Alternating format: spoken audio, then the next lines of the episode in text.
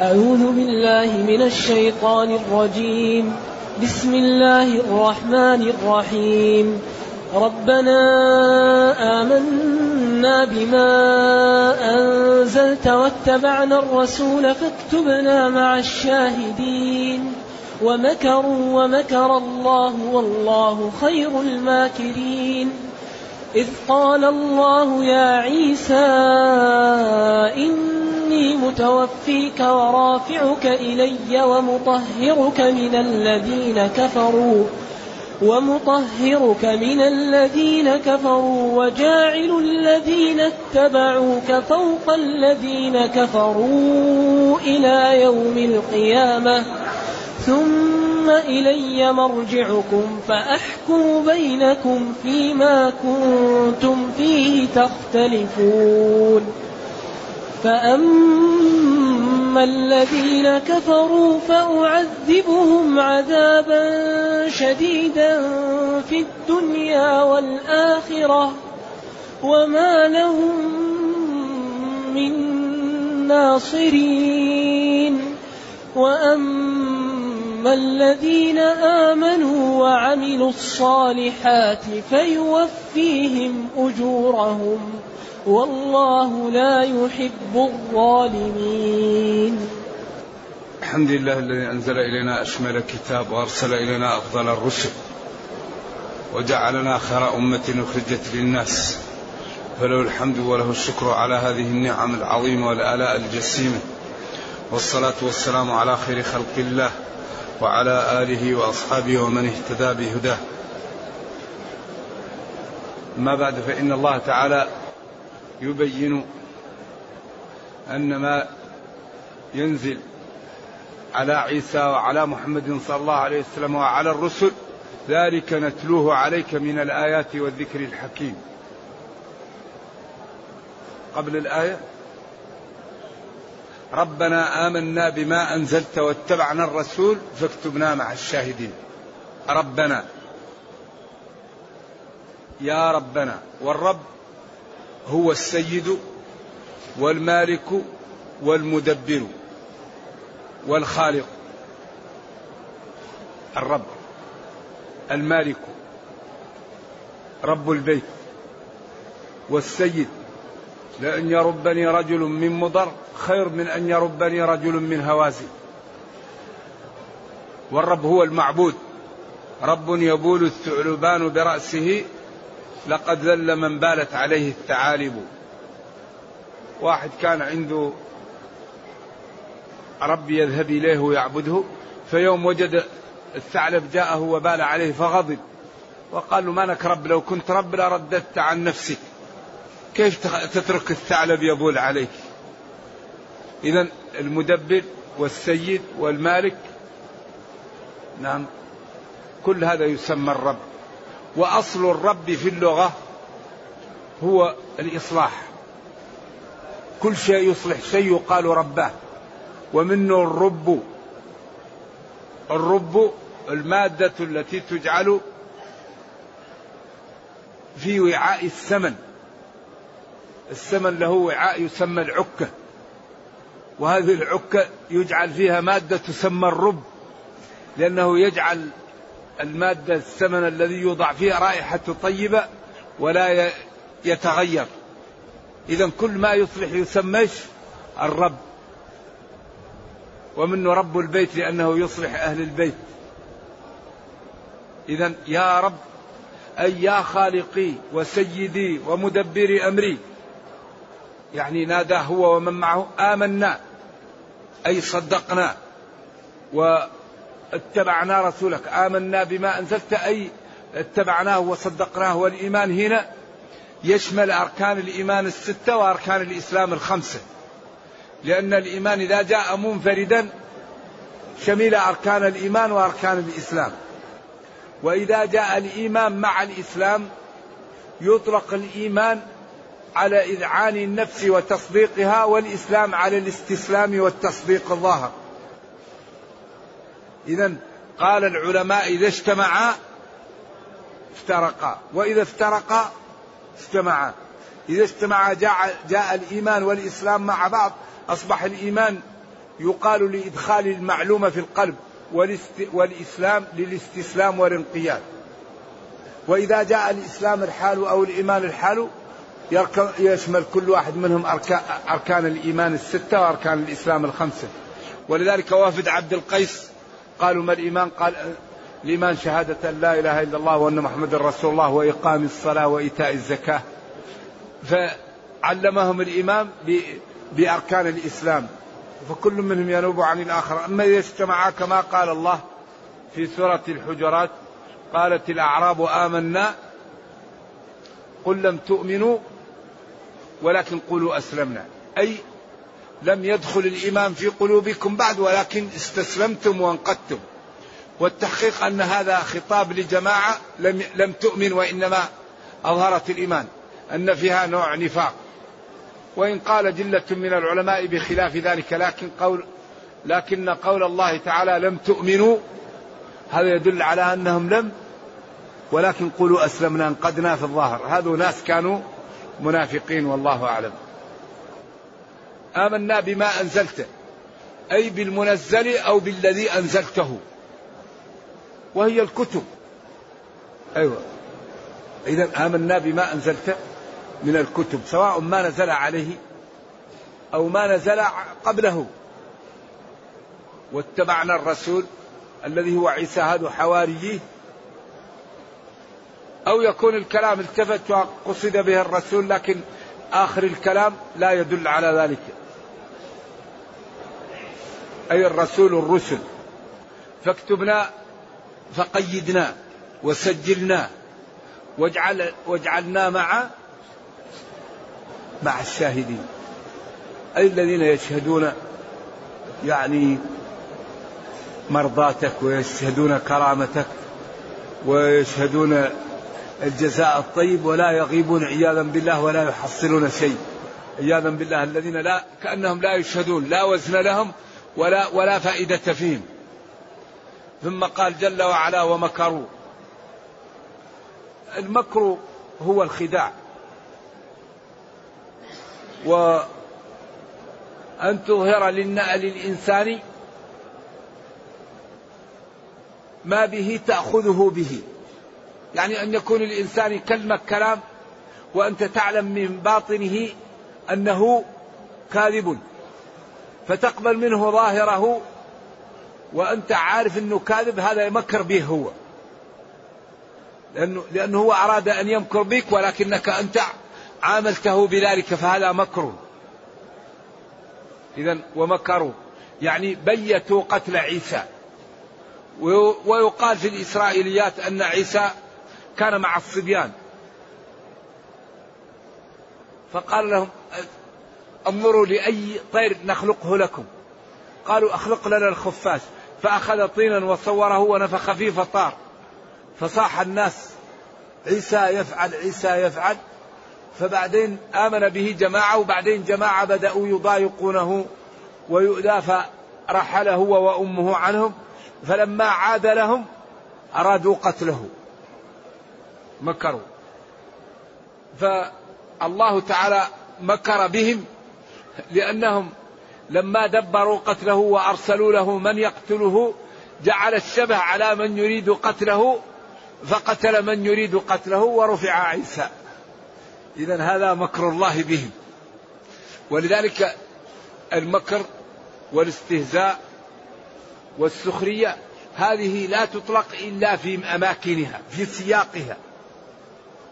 نقول الله خير الماكرين ونقول الله يستهزئ بهم ونقول يخادعون الله وهو خادعهم ولا, نست ولا, ولا نجعل منها صفة أو اسم الحال بخلاف السميع والبصير والقادر والعليم هذه هذه الصفات لا تستعمل إلا في إيش؟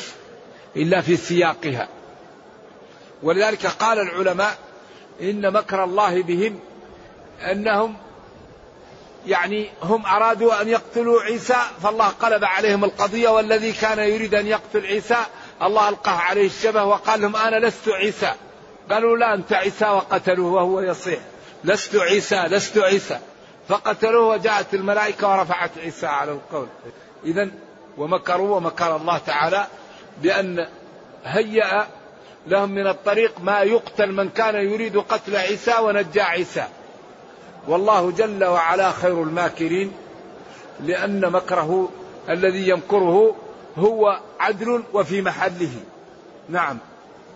ولذلك نكرر أن صفات الله تعالى تتخذ فيها ثلاثة أسس.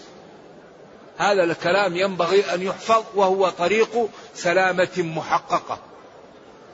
الذي يقوله الله نصدقه. لأن الله يقول ومن أصدق من الله قيلا. ويقول قوله الحق. وقال عن نبيه ما ينطق عن الهوى. إن هو إلا وحي يوحى. إذا أول ما نعمل في الصفات تصديق الله. ثاني شيء تنزيه الله عن مشابهة خلقه. لأنه قال ليس كمثله شيء. وقال فلا تضربوا لله الأمثال. وقال هل تعلم له سميا؟ نعم. النقطة الثالثة قطع الأفكار والأطماع عن إدراك كيفية اتصاف الله تعالى بصفاته لأن الله تعالى يقول لا تدركه لا يحيطون بشيء من علمه ولا يحيطون به علما لا تدركه الأبصار وهو يدركه الأبصار. اذا هذه طريق سلامة محققة. أما الذي يقول استوى استولى والذي يقول ينزل ربنا ينزل أمر ربنا والذي يقول لما خلقت بيدي خلقت بقدرتي. طيب ما مستندك على ما تقول؟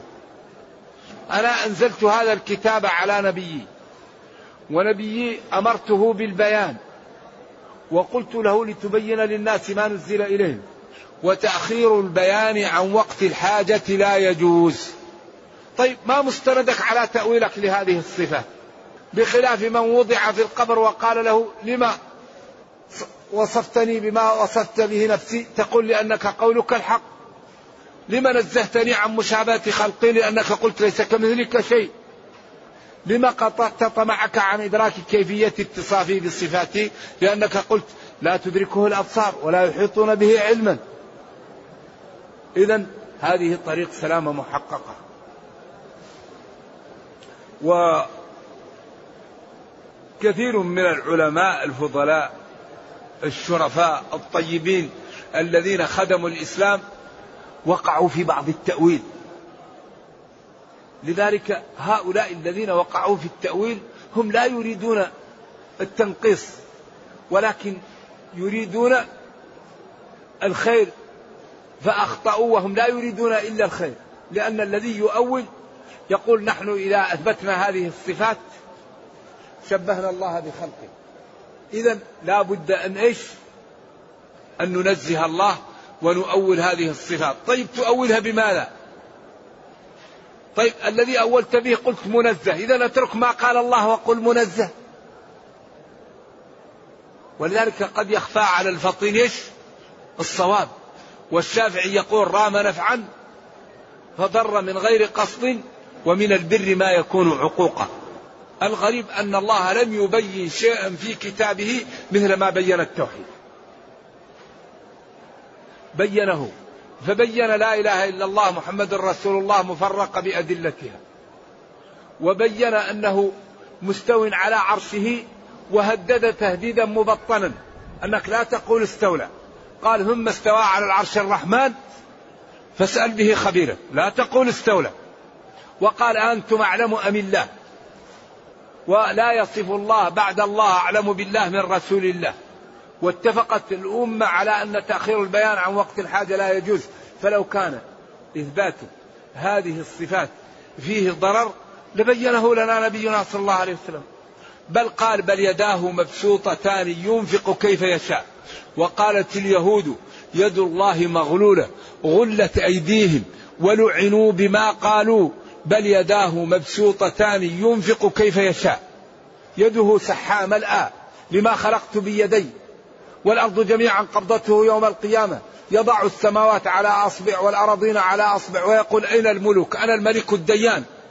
ولكن هذه الصفات لا بد أن نستعمل فيها الأسس التي قلناها.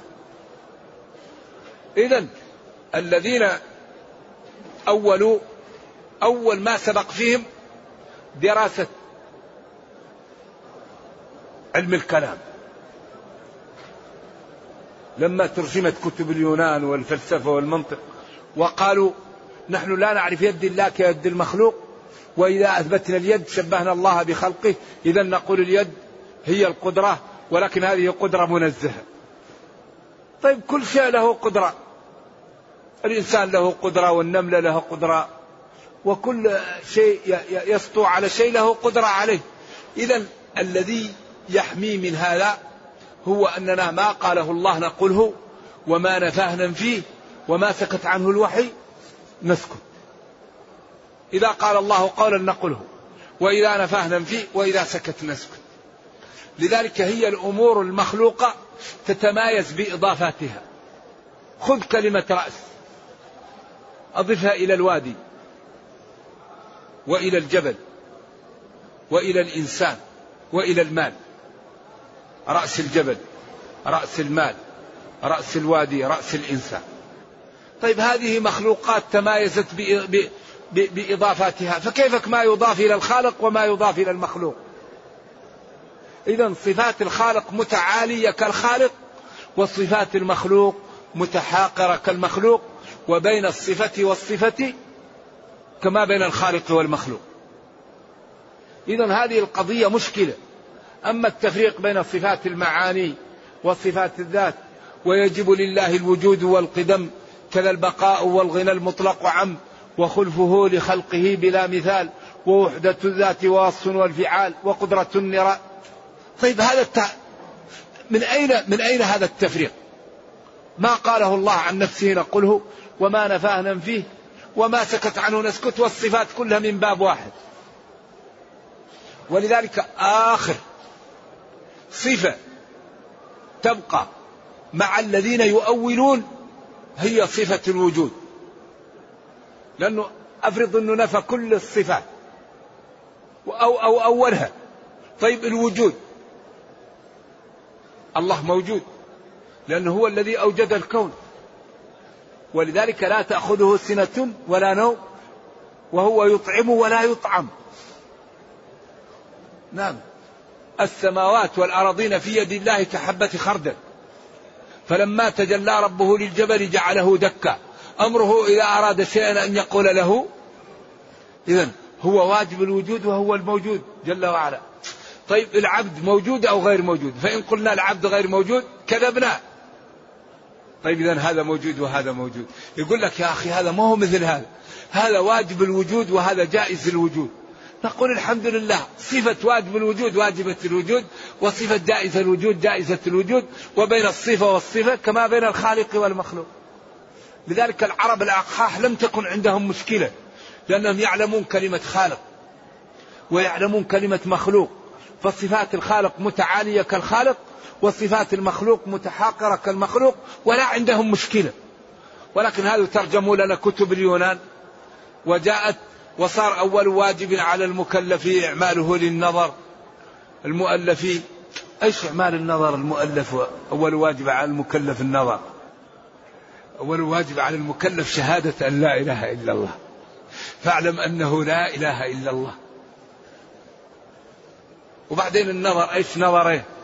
العقول لو كانت تكفي في التكليف لما أرسلت الرسل. قال رسلا مبشرين ومنذرين لأن لا يكون للناس على الله حجة بعد الرسل. ما قال عقلا مهداه لأن لا يكون للناس على الله حجة بعد العقول. وقال وما كنا معذبين حتى نبعث. ما قال وما كنا معذبين حتى نمنح عقولا. إذا العقل هذا مناط التكليف. لكن إذا جاءت الرسل وبينت عند ذلك الذي لا يتبعها هو الذي إيش؟ يعذب. إذا التوحيد مبين في الكتاب. توحيد الربوبية وتوحيد الألوهية وتوحيد الأسماء والصفات. ومبين الإيمان وأنواعه والإسلام وأنواعه والقدر وخطورته وبيانه. وديننا وكتابنا تبيان لكل شيء. ولذلك حري بنا أن إيش؟ نفهمه. نعطيه الوقت لنفهمه ونعمل به ونعتز بالكتاب. هذا الكتاب عزة لنا وإنه لذكر لك ولقومك. ذكر شرف ولقومك. فالشرف يرميه الإنسان. فالعزة لا يهتم بها الإنسان ولا يعتز بها. فحري بنا أن نعطي لهذا الكتاب الوقت الكافي. حري بنا أن نجعله هو دستور مشاكلنا. حري بنا أن نرفعه أن نتلوه آناء الليل وأطراف النهار أن نتأدب بآدابه ونأتمر بأوامره وأن ننتهي عن نواهيه وأن نتخلق بالأخلاق التي دعا إليها. فإننا لو عملنا ذلك لأعزنا الله في الدنيا ورحمنا في الأخرى. إذا والله جل وعلا خير الماكرين. نعم. نقول والله جل وعلا خير الماكرين حيث أرادوا أن يوقعوا بعيسى فالله تعالى أوقع بمن يريد أن يوقع بعيسى وهو يصيح ويقول لهم لسته ولكن الله تعالى إذا أراد أمرا يكون. قدرة الله نافذة. فرعون كان يقتل ذكور بني إسرائيل ويذهب بالقابلات وكل ما ولدت امرأة ولدا ذكر قتلها والنساء يستحييهم يتركهم أحياء أو يفتش أحياءهم مكان الولادة منهم. فالله شاء أن يلتقط موسى ويربيه في بيته وألقى عليه المحبة. وألقيت عليك محبة مني بإرادتي وبقدرتي. كل ما رآه إنسان لا يستطيع أن يعمل به شيء ولا أن يرفع بصره عنه لأنه ألقى إليه المحبة. ورباه في بيته ليقتله. وهو يقتل يقتل وهذا الذي يقتله يرعاه ويجعل فيه المحبة حتى يقتله. لذلك قال فالتقطه آل فرعون ليكون لهم عدوا وحزنا. ما قاله جلة من العلماء إن اللام لام الصيرورة. المحققون يقولوا غلط. المعربون يقولوا هذه لام الصيرورة أو لام الع... لا لام العاقبة. أي فالتقطوه ليكون لهم قرة عين فعاقب ذلك أن يجعله الله لهم عدوا نش وحزنا. لا ما هو كذا. الله هو الذي أشاء التقاطهم له لكي يجعله لهم عدوا وحزنا. وما تشاءون إلا أن يشاء الله. لذلك ابن كثير يقول إن لم نقل إن اللام لام كي فالكلام مشكل. والوالد رحمة الله عليه في الأضواء في نفس الآية في القصص قال والتحقيق إنها لام كي. والله جعل أشاء التقاطه له لكي يجعله لهم عدوا وحزنا وما تشاءون إلا أن يشاء الله. ثم بين هنا الاستعارة في معنى الحرف. وهي من أدق أنواع الاستعارات وفي النهاية قال على ما يسمونه. لأن الخلاف هنا لأن هذا أسلوب وهذا أسلوب والأمر فيه سهل. وقبل أن يأتي الإسلام وينزل القرآن العرب تتكلم بهذه الأساليب. ولذلك هذا أسلوب وهذا أسلوب. ولذلك امرؤ القيس وهو جاهلي يقول وليل كموج البحر أرخى سدوله علي بأنواع الهموم ليبتلي. فقلت له لما تمطى بصلبه وأردف أعجازا هل الليل له أعجاز وله كلكن؟ ولكن هذا تعبير وهذا توسع في العبارة وهذا أسلوب وهذا أسلوب والأمر في هذا سهل ولذلك هذه الأساليب موجودة قبل أن ينزل القرآن. والقرآن نزل إيش؟ بلسان عربي مبين. إلا أن الذين جاءوا بعد ذلك وقالوا كل مجاز يجوز نفيه نحن نقول لهم لا شيء من القرآن يجوز نفيه ينتج من الشكل الأول لا شيء من القرآن بمجاز. على هذا على هذا القول.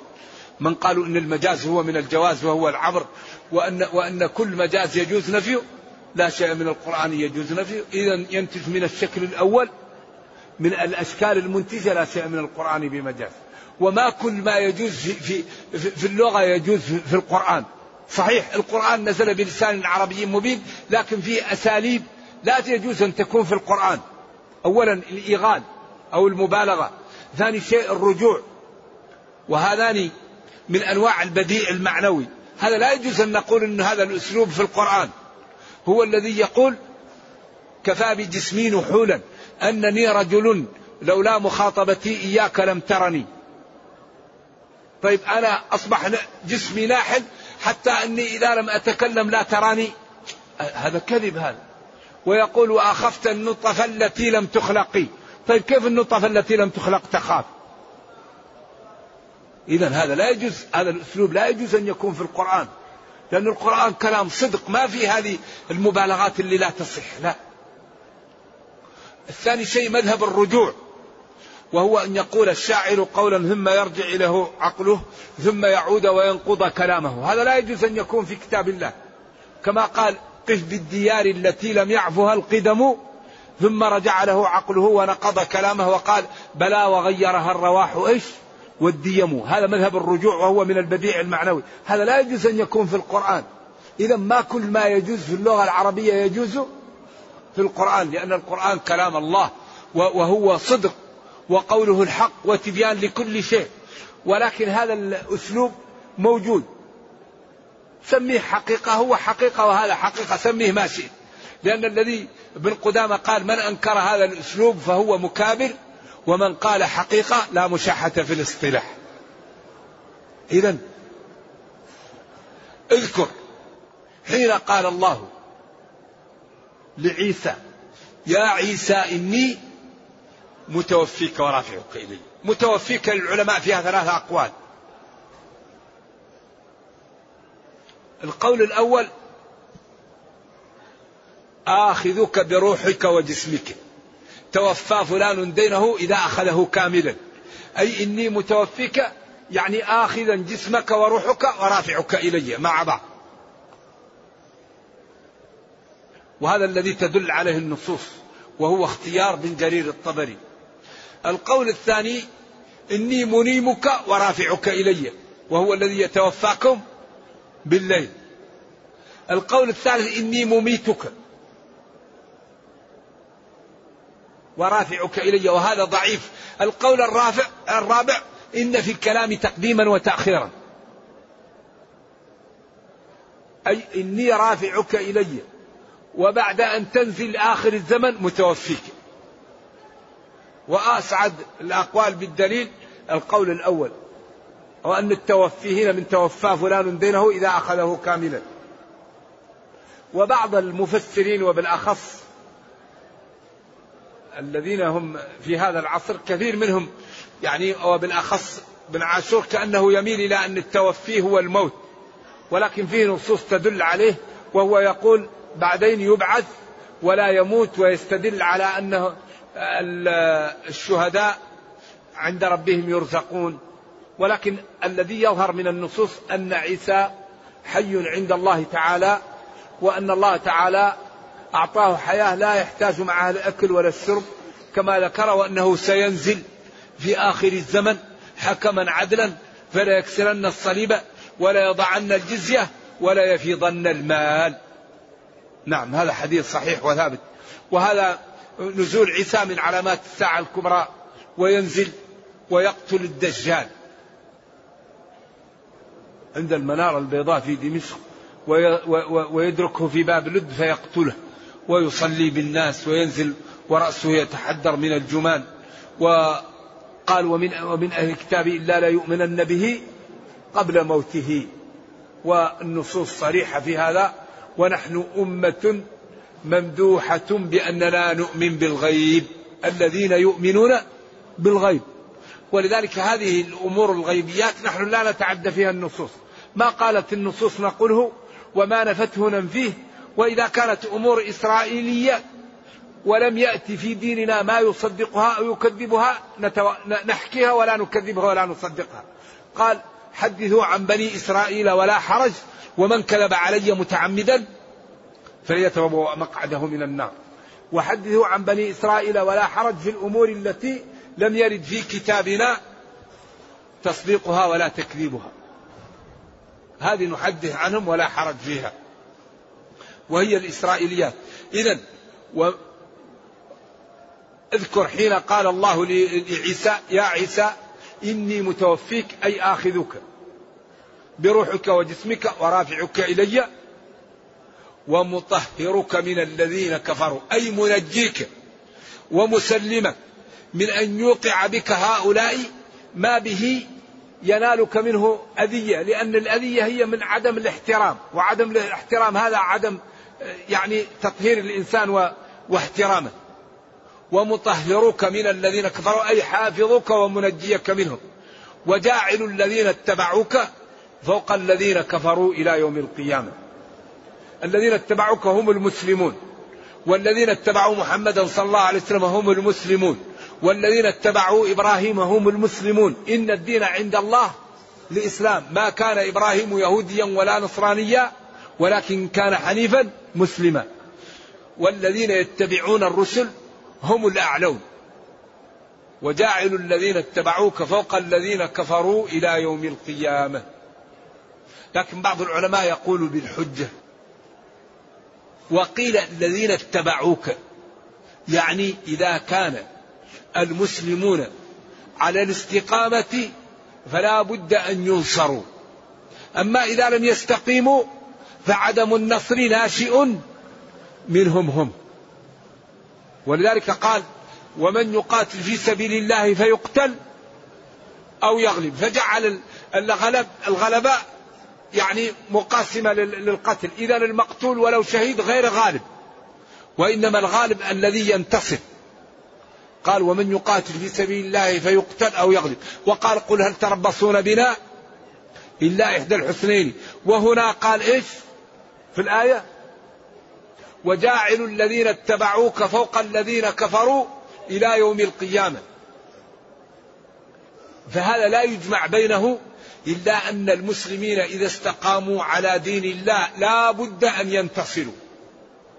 وأن أي هزيمة أو أي ضعف أو أي شيء يقع للمسلمين فالأسباب ناشئة من عدم الاستقامة على الدين. وإذا تتبعنا تاريخ المسلمين من غزوة أو غزوة أحد إلى سقوط الأندلس نجد أن الذي يضر المسلمين هو تقاعس العلماء العارفين عن واجبهم تقاعسهم عن واجبهم. شوف يوم أحد انخزل عبد الله بن أبي بن سلول بثلث الجيش ولكن لم يضر ذلك المعركة ولم يضر المسلمين. لكن لما خالف الرماة العارفون بدين الله جاءت الهزيمة. ولما استشكل المسلمون ذلك وقالوا يا نبي الله نحن نعبد الله وهؤلاء يعبدون الأصنام كيف يغلبوننا؟ قال جل وعلا ولما أصابتكم مصيبة قد أصبتم مثلها قلتم أن هذا. قل هو من عند أنفسكم. الأندلس ما كان فيه إلا إيش؟ حتى ما كانت فيه فرق. لا يوجد روافض ولا معتزلة ولا ما تريدية يوجد أظن بعض الأشاعرة وأغلبهم على ما في فرق في الأندلس. ولكن لما تركوا واجبهم وانشغلوا فيما بينهم ماذا حصل لهم؟ ضاعت الأندلس. إذا المسلمون إذا استقاموا على دين الله وعملوا بما عندهم من المقدرات ربهم ينصرهم. لكن إذا تركوا الاستقامة ولم يعدوا ما يستطيعون. عند ذلك تأتيهم ماذا؟ الهزيمة. وربنا بين هذا غاية البيان. غاية البيان. قل هو من عندي أنفسكم. ولا تنازعوا فتفشلوا. إذا لقيتم فئة فاثبتوا. هذا ما وعدنا الله ورسوله وصدق الله ورسوله وما زادهم إلا إيمانا وتعاونوا. يعني أوامر ونواهي لو استقام عليها المسلمون لانتصروا إذا يعني الطريقة واضحة. ونحن الآن ينبغي لكل واحد منا أن يستقيم. لا تكلف إلا نفسه لها ما كسبت وعليها ما اكتسبت. والأمة تتكون من الأفراد. فإذا استقام كل واحد صلح المجتمع وارتفع. فإذا كان كل واحد منا يجعل اللوم على الآخرين ويجعل نفسه كأنه ليس آه، يعني مكلفا وليس مسؤول هذا الذي يسبب ضعف المسلمين. كل واحد كل واحد منا يقوم بما يستطيع وبما يجب عليه ترتفع الأمة وتقوى. ولذا إن الجبال من الحصى. إذا يقول تعالى إني متوفيك ورافعك إلي ومطهرك من الذين كفروا. منجيك منهم. وجاعل الذين اتبعوك فوق الذين كفروا إلى يوم القيامة. في أقوال للعلماء كثيرة ولكن الذي يظهر أن المستقيمين على الدين المطلوب منهم هؤلاء فوق من كفروا إلى يوم القيامة. إما بالحجة كما قال كثير من العلماء وإما بالحجة و وإيش؟ و و والسلطان كما قال بعض العلماء إذا اتبعوه اتباع كامل. ولذلك الله جل وعلا قال لقد أرسلنا رسلنا بالبينات أي بالحجج والبراهين والأدلة الواضحة وأنزلنا معهم الكتاب والميزان الكتاب الذي هو القرآن والميزان الذي هو الشريعة والأحكام الموجودة فيه والعدل وما فيه من الجمال ليقوم الناس بالقسط. بعدين إيش؟ وأنزلنا الحديد فيه بأس شديد. إن لم يرتدع بالكتاب يردع بالكتائب. وأنزلنا الحديد فيه بأس شديد. الذي لا ينفعه البيان ولا تنفعه الحجج. قال وأنزلنا الحديد فيه بأس شديد. الذي لم يرتدع بالكتب يردع بالكتائب. ولذلك قال إنك تأتي عدوك من المشركين فادعوهم إلى ثلاث خصال شهادة أن لا إله إلا الله وأن محمد رسول الله. فإن لم يقبلوا فيدفعوا الجزية فإن لم يقبلوا فالميدان. هذا الدين دين عملاق الإسلام لا يقاوم إلا بماذا؟ إلا بالتجهيل. أيوة أو عدم السماح للمسلم أن يبين دينه. فحري بنا أن نفهم الدين وأن نبينه للناس برفق وأن نحسن على جميع الخلق. الطيب نحسن عليه لأنه طيب والبطال نحسن عليه لننقذه من البطالة. فطالما استعبد الإنسان إحسانه. فنحسن إلى الناس. الطيب نحسن إليه لأنه طيب والبطال نحسن إليه لنزيل البطالة عنه. فيحب الدين ويحبك ويسمع لك. فتنزع الشر وتضع الإيمان في قلبه والخير. وثقوا تماما. أننا نحن المسلمين لو استقمنا على الدين لدخلت الأمم في دين الله أفواجا. لأن هذا الدين دين السماحة دين النزاهة دين العدالة دين الصدق دين الرفق دين التضحية دين الإيثار. دين الصدق. لا يقبل الغش. الإسلام يحرم عليك أن تغش. ولو لإخوانك. أن أن تشهد بالزور ولو لوالديك. الإسلام يوجب عليك أن تعدل ولو مع أعدائك. الإسلام يحرم عليك تظلم ولو الكافر. ولا يجرمنكم شنآن قوم على أن لا تعدلوا. اعدلوا. هو أي العدل أقرب للتقوى. هذا الدين دين لا يمكن يفهمه شخص إلا وتمسك به. وانضوى تحته واعتز به. لكن لا بد أن نعطيه الوقت الكافي لنفهمه. لا يمكن أن يكون إنتاج في الدنيا إلا بالوقت. فإذا لم نعطيه وقتا لكتابنا ولديننا من أين نفهمه؟ فكل شيء بالوقت. الصلاة تحتاج الوقت. الصوم يحتاج الوقت. التجارة تحتاج للوقت. الزراعة تحتاج للوقت. إنجاب الأولاد يحتاج للوقت. التنمية تحتاج للوقت. إذا لا يمكن أن ننتج إلا بالوقت. فهذا الوقت الذي هو أساس الإنتاج ينبغي أن نعطي جزءا منه لكتاب ربنا ولدينه ولشريعته لنفهمها ونظهرها للناس في حياتنا. إذا آخر شيء إيش؟ وجاعل الذين اتبعوك فوق الذين كفروا إلى يوم القيامة. ثم إلي مرجعكم رجوعكم يوم القيامة. فأحكم بينكم فيما كنتم فيه تختلفون. ثم بين الحكم. هذا لف ونشر. ثم قال فأما الذين وإن شاء الله لعلي نكتفي بهذا ونكمل بقية الموضوع غدا. ونرجو الله جل وعلا أن يوفقنا وإياكم لما يحبه ويرضاه وأن يجعلنا جميعا من المتقين. إنه خير مسؤول والقادر على ذلك.